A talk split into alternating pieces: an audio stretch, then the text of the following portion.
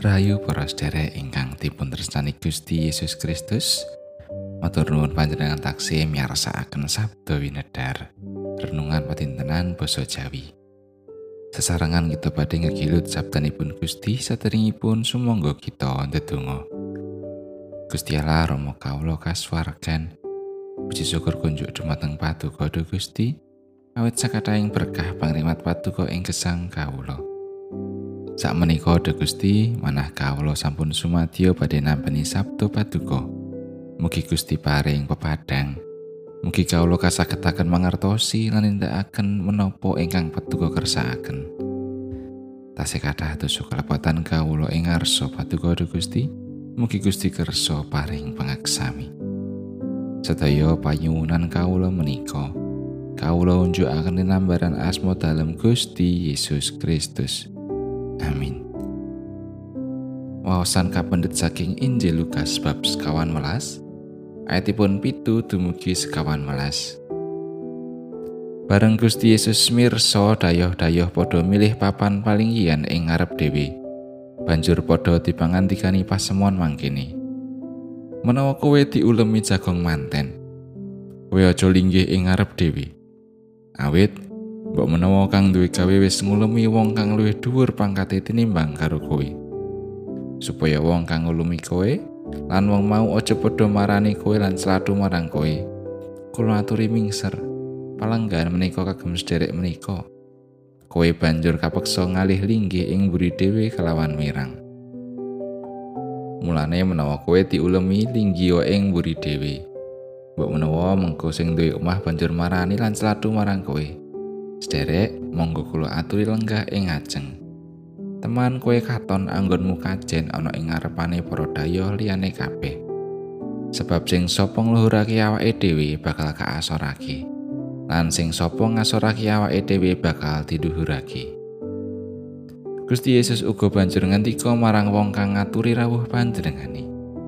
Menawa kowe nganakake pesta ing wayah awan utawa bengi, kowe aja ngulemi mitra-mitramu, utawa sedulur-sedulurmu, utawa sanak kadangmu, utawa tangga teparumu kang sugih-sugih.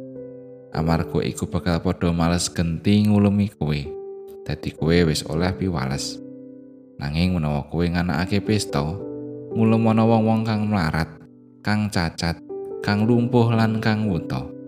Yen mangkono kowe bakal rahayu. Amarga wong iku kabeh ora padha duwe kang dianggo males marang kowe. Dene kowe bakal tampa piwales besok ing dina patangening para wong mursid. Makaten pangantinganipun Gusti ayat na saking ayat 11. Sebab sing sapa ngluhurake awake dhewe bakal kaasorake. lan sing sapa ngasorake awake dhewe bakal diluhurake.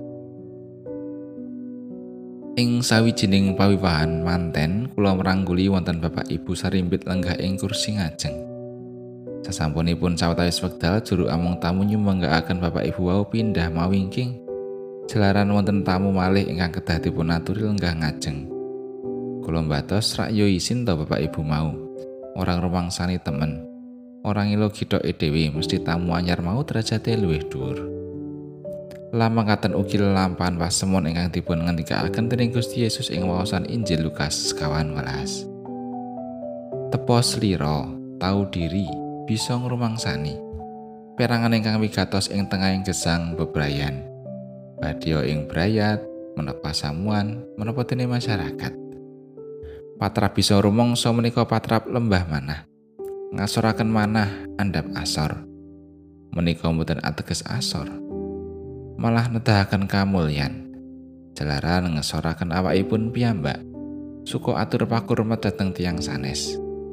Gusti Yesus ngendika sinten ingkang andap asor inggih menika ingkang badhe kaluhuraken. Kosok wangsulipun ingkang ngluhuraken awakipun piyambak, ingkang ngagung-agungaken diri malah badhe kaasoraken.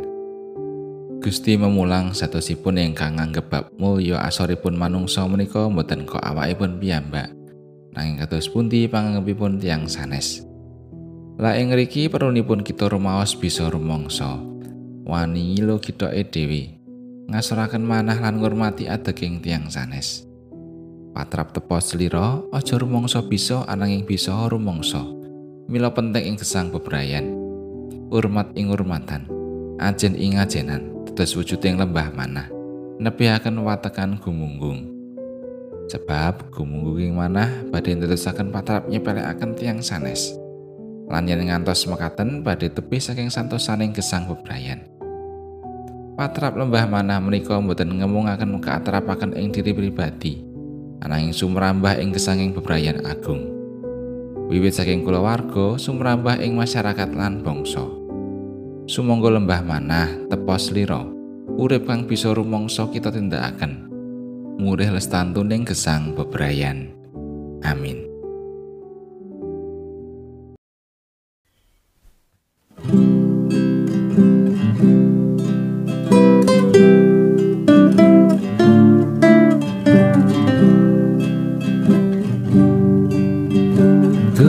Gustimu mungkin nuntun kawula amri tansah manut patuko. Natian ribet kilirku manti. Tamtu lo ketuki nyanggi.